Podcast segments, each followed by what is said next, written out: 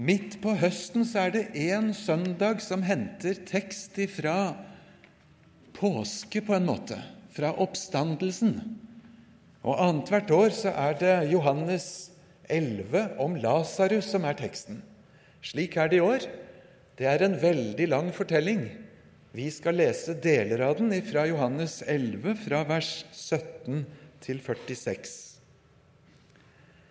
Da Jesus kom fram, fikk han vite at Lasarus allerede hadde ligget fire dager i graven. Betania ligger like ved Jerusalem, omtrent 15 stadier fra byen, og mange av jødene var kommet til Martha og Maria for å trøste dem i sorgen over broren. Da Martha hørte at Jesus kom, gikk hun for å møte ham. Maria ble sittende hjemme. Martha sa til ham, 'Herre, hadde du vært her, var ikke broren min død.' 'Men også nå vet jeg at alt det du ber Gud om, vil han gi deg.' 'Din bror skal stå opp', sier Jesus. Jeg vet at han skal stå opp i oppstandelsen på den siste dag, sier Martha. Jesus sier til henne, Jeg er oppstandelsen og livet. Den som tror på meg, skal leve om han enn dør. Og hver den som lever og tror på meg, skal aldri i evighet dø. Tror du dette? Ja, Herre, sier hun, jeg tror at du er Messias, Guds sønn, han som skal komme til verden. Da hun hadde sagt dette, gikk hun og kalte i all stillhet på sin søster Maria og sa til henne, Mesteren er her og spør etter deg. Da Maria hørte det, sto hun straks opp og gikk ut til ham. Jesus var ennå ikke kommet inn i landsbyen, men var fremdeles der Martha hadde møtt ham. Jødene som var hjemme hos Maria for å trøste henne, så at hun brått reiste seg og gikk ut. De fulgte etter fordi de trodde at hun ville gå til graven for å gråte der. Da Maria kom dit Jesus var og fikk se ham, kastet hun seg ned for føttene hans og sa, Herre, hadde du vært der, ville ikke broren min vært død. Da Jesus så at både hun og alle jødene som fulgte henne, gråt, ble han opprørt og rystet i sitt innerste, og han sa, Hvor har dere lagt ham? Herre, kom og se, sa de. Jesus gråt. Se hvor glad han var i ham, sa jødene. Men noen av dem sa, kunne ikke han som åpnet øynene på den blinde, også ha hindret at denne mannen døde? Jesus ble igjen opprørt og gikk bort til graven. Det var en hule der, og det lå en stein foran åpningen. Jesus sier, 'Ta steinen bort.' 'Herre', sier Martha, den døde søster, det lukter alt av ham. Han har jo ligget fire dager i graven. Jesus sier til henne, Sa jeg deg ikke at hvis du tror, skal du se Guds herlighet? Så tok de bort steinen. Jesus løftet blikket mot himmelen og sa, Far, jeg takker deg fordi du har hørt meg. Jeg vet at du alltid hører meg, men jeg sier dette på grunn av at alt folket som står omkring, så de skal tro at du har sendt meg. Da han hadde sagt dette, ropte han høyt, Lasarus, kom ut! Da kom den døde ut med liksvøp rundt hender og føtter og med et tørkle bundet over ansiktet. Jesus sa til dem, Løs ham og la ham gå. Mange av jødene som var kommet til Maria og hadde sett det Jesus gjorde, kom til tro på ham. Men noen gikk til fariseerne og fortalte hva han hadde gjort. Amen.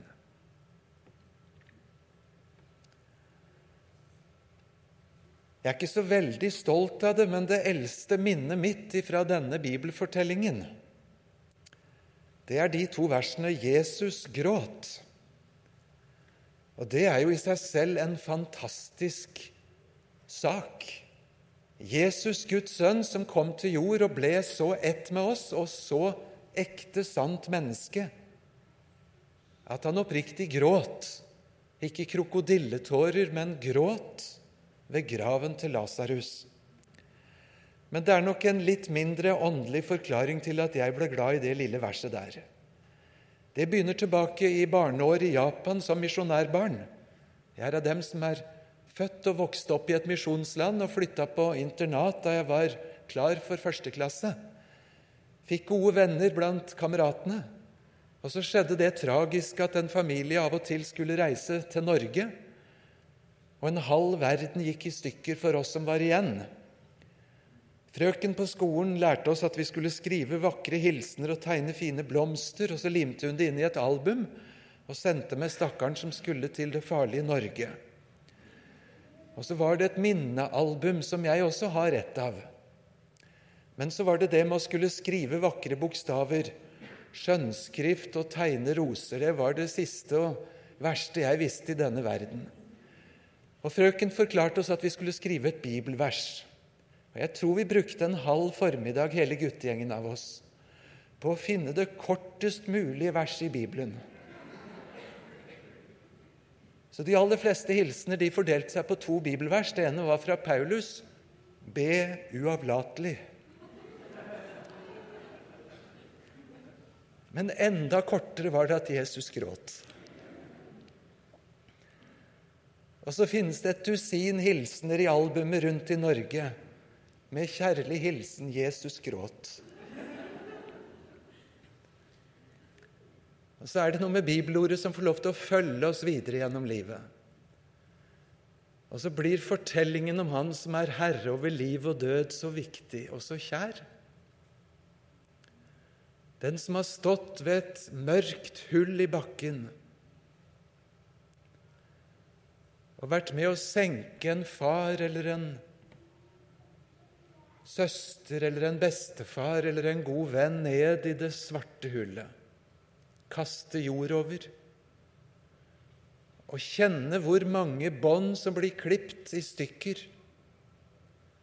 kan ha veldig trøst av en fortelling om Han som er oppstandelsen og livet. Det har gått i blodet på kristne gjennom 2000 år 'Jeg tror på legemets oppstandelse'. Det er litt av en trosbekjennelse. Har du fulgt et sykeleie og sett en gammel kropp som brytes ned av aldring og av sykdom? Og til slutt så er det ikke mye livskraft tilbake. Og så skrives det en dødsattest å si 'jeg tror på legemets oppstandelse', det er litt av en bekjennelse. Jeg var på et seminar på Rikshospitalet hvor en patolog, de som leter etter dødsårsaken i kroppen etter en som er død Han utfordra oss teologer og sa kan dere ikke en gang for alle få slutt på det gnålet, det maset om legemets og kroppens oppstandelse? Kan dere ikke begynne å si personlighetens oppstandelse eller noe slikt? Det var så aldeles utenfor horisonten for den som steller med de som er døde. Og så svarer den kristne tro i tro og trass nei. Vi har lært av Gud å se frem mot en dag da Han skal kommandere døden og dødsriket og til og med havet og gi tilbake sine døde. Og så skal de stå opp og så skal de stilles frem for Gud til den store regnskapet. Paulus selv han ble avblåst på Areopagos. Så lenge han snakket om andre ting, så var det greit, men når han begynte å si at han trodde på oppstandelsens håp, da ble han avblåst. Vi får heller komme tilbake til den en annen gang. Og så fikk han ikke tale lenger. Så ugresk var det, så uhørt var det å tro og bekjenne legemets oppstandelse. Teksten vår vokser jo fram av en fortelling som egentlig er utrolig fin. Tre søsken. Vi får inntrykk av at de kanskje ikke hadde noen annen familie enn søskenbåndene. En Martha, en Maria, en Lasarus. Hver av dem hadde fortjent en bibeltime eller to. Har du forresten lagt merke til at Maria omtalt i tre bibelfortellinger. Alle tre ganger så er hun å finne ved Jesu føtter. Lyttende. Ved Jesu føtter i vår tekst, med den milde bebreidelsen 'Herre, hadde du vært her, så var min bror ikke død'. Og tredje gangen, når hun salver Jesus og forbereder han på døden og på oppstandelsen. Tenk om biografien og deg og meg skulle være at ingen har hørt om oss uten den situasjonen. Vi knelte for Jesus. Og så kommer meldingen til Jesus om at han du elsker, er syk. Og så hørte vi Pål fortalte her i kanindrakt i stad om trafikklys som kunne være grønne, gule eller røde. Du og jeg vet at det var gult lys. Men jeg tror Martha og Maria så et rødt lys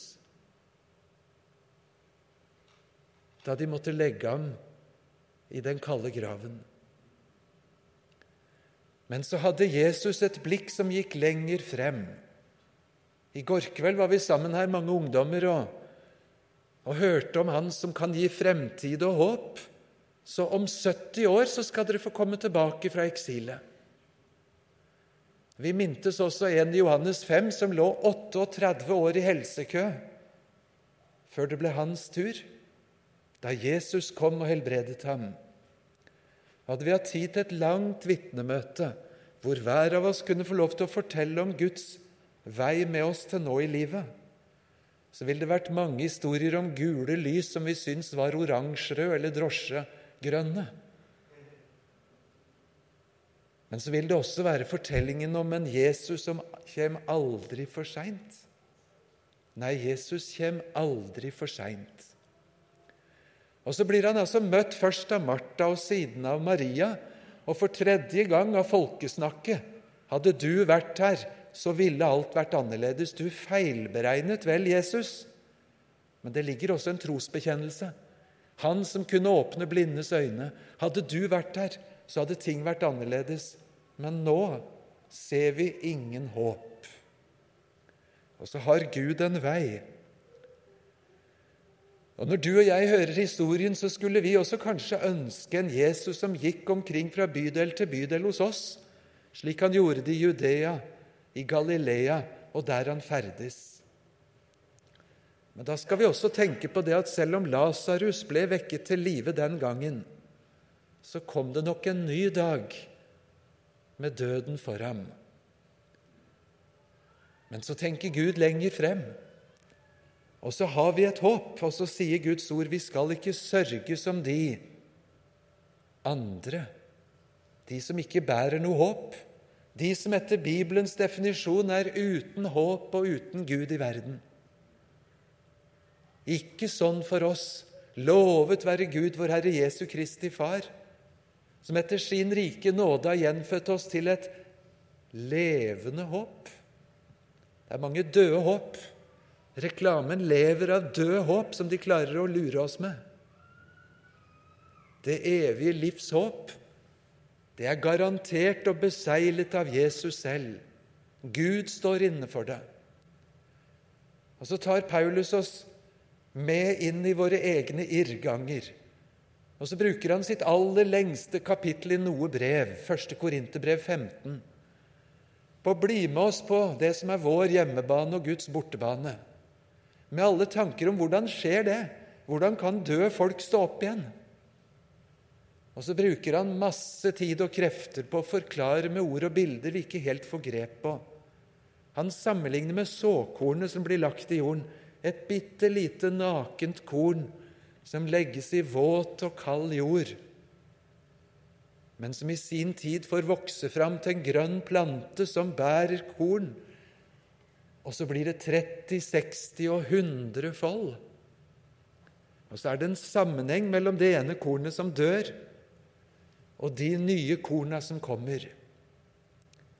Min kloke mor, som er 98 år og fremdeles lever, hun har sagt at hun må få lov til å bruke et bilde som er litt nærmere for henne som bondejente fra Vestfold. Jeg er settepoteta, sier hun. Kanskje du har vært med å ta poteter? Og blikket det er jo på de nye, friske nypotetene som lyser i gult eller oransje eller rødt eller hvilken farge de har, og som vi gjerne tar og kjenner i hånda og gleder oss til å legge i kjelen og spise dem. Og så sier min gamle, trassige mor det er visst ikke stort mer igjen enn en settepotet. Men det er ikke mitt fokus.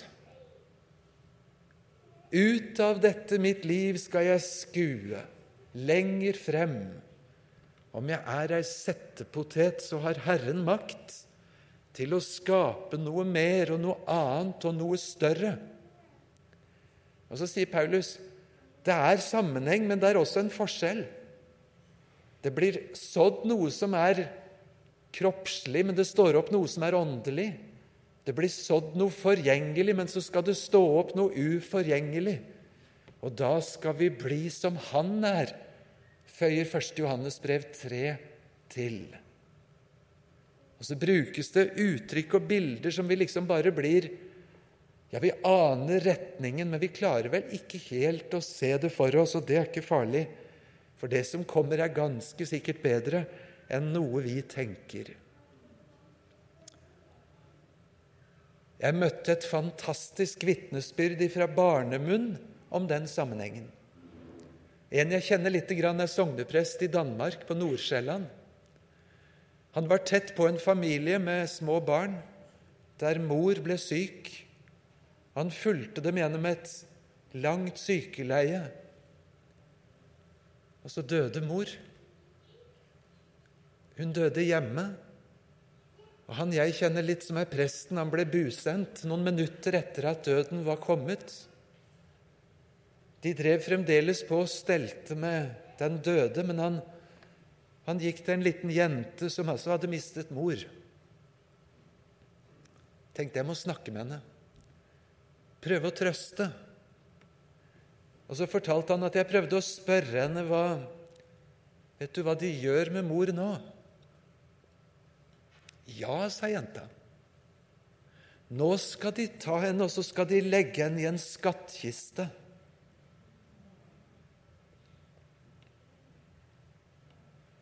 Min venn presten han kom ikke lenger i sine tanker. Så var det ikke han som skulle lære, men så var det han som fikk det forklart. Et barn vet hva en skattkiste er. Det er der du legger noe som er veldig verdifullt. Noe som du skal finne igjen, kanskje etter lang tid. Noe som er minst like verdifullt. Og så kommer det en dag da vi skal bære våre kjære til det svarte hullet i bakken. En gang skal noen legge oss der, om ikke Herren kommer før den dagen kommer. Men det er ikke det siste. I dødsannonsene så står det at den og den og den har gått bort. Det er ikke noe godt kristelig uttrykk. Har gått hjem, skal vi si. Har gått i forveien. For det er en skattkiste. Og Han som eier himmel og jord, og som har all makt over himmel og jord, han skal finne dem igjen. Om det er døden eller dødsriket, kirkegården eller havet, som menneskelig sett var det siste hvilested, som vi sier med en sånn vakker omskrivning, så er det bare det nest siste for Guds folk.